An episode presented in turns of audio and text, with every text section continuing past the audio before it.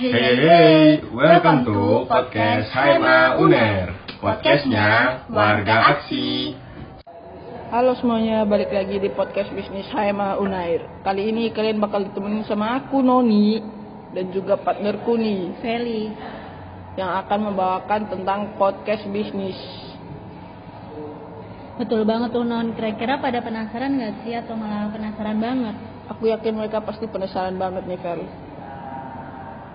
Pastinya dong Non, kali ini kita akan membahas tentang cara memilih dan memulai bisnis yang sesuai target pasar nih. Wah, pasti seru dan berguna nih buat teman-teman. Mungkin ada teman-teman di sini yang eh, baru memulai bisnis ataupun buat teman-teman yang udah punya bisnis tapi mungkin masih dirasa belum berhasil. Tapi sebelum itu kita belajar lebih lanjut nih tentang cara menentukan target pasar. Kita harus tahu dulu juga sih apa yang dimaksud sama target pasar itu sendiri, Vel. Benar juga Non, teman-teman kita pada udah tahu pastinya. Tapi mungkin ada yang masih belum tahu, jadi aku bilangin aja ya. Jadi target pasar adalah tujuan utama konsumen yang ingin dituju untuk pemasaran produk bisnis. Target pasar ini merupakan sekelompok orang yang menjadi target penjualan produk jualan kita. Umumnya, target pasar memiliki karakteristik yang sama baik dari sisi kebiasaan, demografi, dan lainnya. Dan dengan mengetahui target pasar, strategi pemasaran pun akan jadi lebih efektif dan efisien. Dan juga e, menghemat biaya karena target promosi produk ataupun jasa bisa tepat sasaran. Nah, aku juga mau nambahin nih, kalau menentukan target pasar ini juga harus e, merupakan langkah yang cukup awal dalam mengembangkan sebuah bisnis.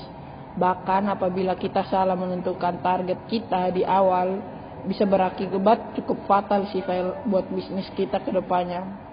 Tapi sebenarnya apa sih tujuan kita untuk uh, menentukan target pasar ini, Vel? Oke non, jadi ada beberapa tujuan nih kenapa kita harus menentukan target pasar. Di antaranya, di antaranya yang pertama yaitu mengoptimalkan strategi bisnis, baik itu strategi pemasaran, penjualan hingga pengembangan produk. Data target market merupakan basis yang paling penting. Yang kedua yaitu memudahkan proses distribusi produk proses distribusi produk tentunya akan lebih rencana jika kita udah tahu nih segmentasi pasar mana yang akan menjadi fokus bisnis saat ini. Dengan penemuan data tersebut, perusahaan tidak akan membuang-buang sumber dayanya untuk mendistribusikan produk ke lokasi yang kurang strategis. Dan yang ketiga, e, membuat kampanye yang lebih personalis dengan menyampaikan pesan yang relevan bagi mereka. Baik dari segi esensi pesan, cara menyampaikan, channel yang digunakan hingga siapa yang menyampaikan. Dan juga ada beberapa keuntungan nih Fer yang bisa kita dapetin dengan menentukan target pasar sebelum memulai bisnis.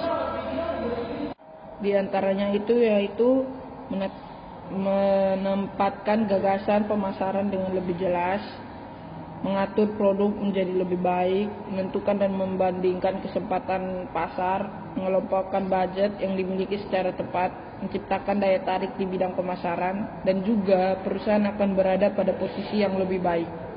Banyak juga ya ternyata manfaat yang bakal kita terima dari target pasar yang tepat ini, Non.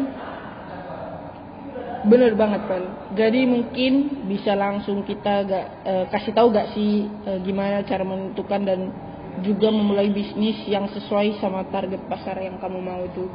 Boleh non, jadi umumnya proses penentuan target pasar ini dimulai dengan menentukan segmentasi pasar, yaitu proses mengelompokkan masyarakat berdasarkan segmentasi mereka. Segmentasi ini bertujuan untuk mengetahui konsumen yang akan kita tuju dan segmentasi ini sendiri e, dibagi menjadi tiga di antaranya yaitu segmentasi psikologi. Hal ini digunakan untuk menentukan konsumen berdasarkan minat, gaya hidup, dan tingkat pendidikan. Yang kedua ada segmentasi demografi. Hal ini digunakan untuk menentukan jenis konsumen berdasarkan jenis kelamin, usia, dan tingkat pendapatan. Dan yang terakhir ada segmentasi geografi. Hal ini digunakan untuk menentukan konsumen berdasarkan lokasi pemasaran produk. Tujuannya untuk mengetahui karakteristik masyarakat terdekat secara rinci dan menyesuaikan produk yang sesuai untuk dipasarkan pada mereka. Setelah kita mengetahui konsumen yang akan kita tuju, kita bisa langsung memahami kebutuhan konsumen yang tadi, sehingga kita dapat menciptakan produk yang benar-benar sesuai dengan kebutuhan pasar. Dengan begitu, produk yang kita jual uh, akan banyak diminati oleh pasar dan angka penjualan pun akan mengalami peningkatan. Selanjutnya kita juga harus uh, menganalisis dan menilai target uh, di pasar nivel. Kayak penilaian ini bisa dilihat dari kebutuhan konsumen, taksiran harga sudah sesuai atau belum, eh, dan mungkin ada faktor lainnya. Apabila dari penilaian tersebut tidak memberikan hasil yang baik, maka kita harus mencari solusi untuk bisnis. Misalnya dengan mengganti produk atau solusi lainnya gitu. Benar banget tuh Non. Selanjutnya kita juga bisa dengan menentukan strategi pemasaran. Strategi pemasaran ini bisa bermacam-macam, tapi pastikan bahwa kita sudah menentukan strategi yang sesuai dengan segmentasi yang sudah dibahas tadi. Cara untuk bisa mengetahui strategi seperti apa yang tepat adalah dengan memahami dengan baik e, calon konsumen yang akan menjadi target kita hingga pada akhirnya kita akan mampu memilih strategi dengan tepat dan mengetahui lokasi seharusnya melakukan promosi pasar guna menyasar target pasar yang sudah ditentukan. Nah, terus setelah target dan strategi diterapkan, kita juga perlu bertanya untuk mengetahui bagaimana keduanya menghasilkan hasil. Evaluasi yang baik adalah kedua hal tersebut sudah sesuai dengan segmentasi agar dapat mencapai tujuan dan laku di pasar. Gak cuma itu, Proses evaluasi juga berfungsi untuk mengetahui kekurangan yang mungkin terdapat pada bisnis. Saya juga mau nambahin pada saat proses evaluasi ini, kita harus melakukan penilaian secara jujur dan optimal. Karena dari sini kita baru dapat mempelajari apa saja kekurangan yang ada untuk kemudian diperbaiki. Jika semua tahapan tersebut bisa kita lakukan sebaik-baiknya, kita pun dapat memperbaiki kualitas produk hingga menjadikan produk yang disukai konsumen. Lalu pada hasilnya bisnis kita akan mengalami perkembangan yang signifikan. Bener banget. Eh, tapi ini kayaknya kita udah cukup lama nih ya belajar sama teman-teman di sini terkait dengan cara menentukan dan memulai bisnis yang sesuai sama target pasar. Kita udahin aja gimana kok? Mulai sih non. Nah, jadi mudah-mudahan dengan tips dari kita teman-teman di sini bisa belajar tentang bagaimana cara menentukan dan memulai bisnis yang sesuai sama target pasar nih. Amin. BTW gak kerasa ya kita udah sampai di ujung podcast kali ini. Semoga apa yang kita sampaikan tadi bisa jadi bekal buat teman-teman, bisa jadi ilmu baru eh, dan bisa dipraktek juga ke depannya. Wah, terima kasih juga teman-teman semua yang udah dengerin podcast kita kali ini.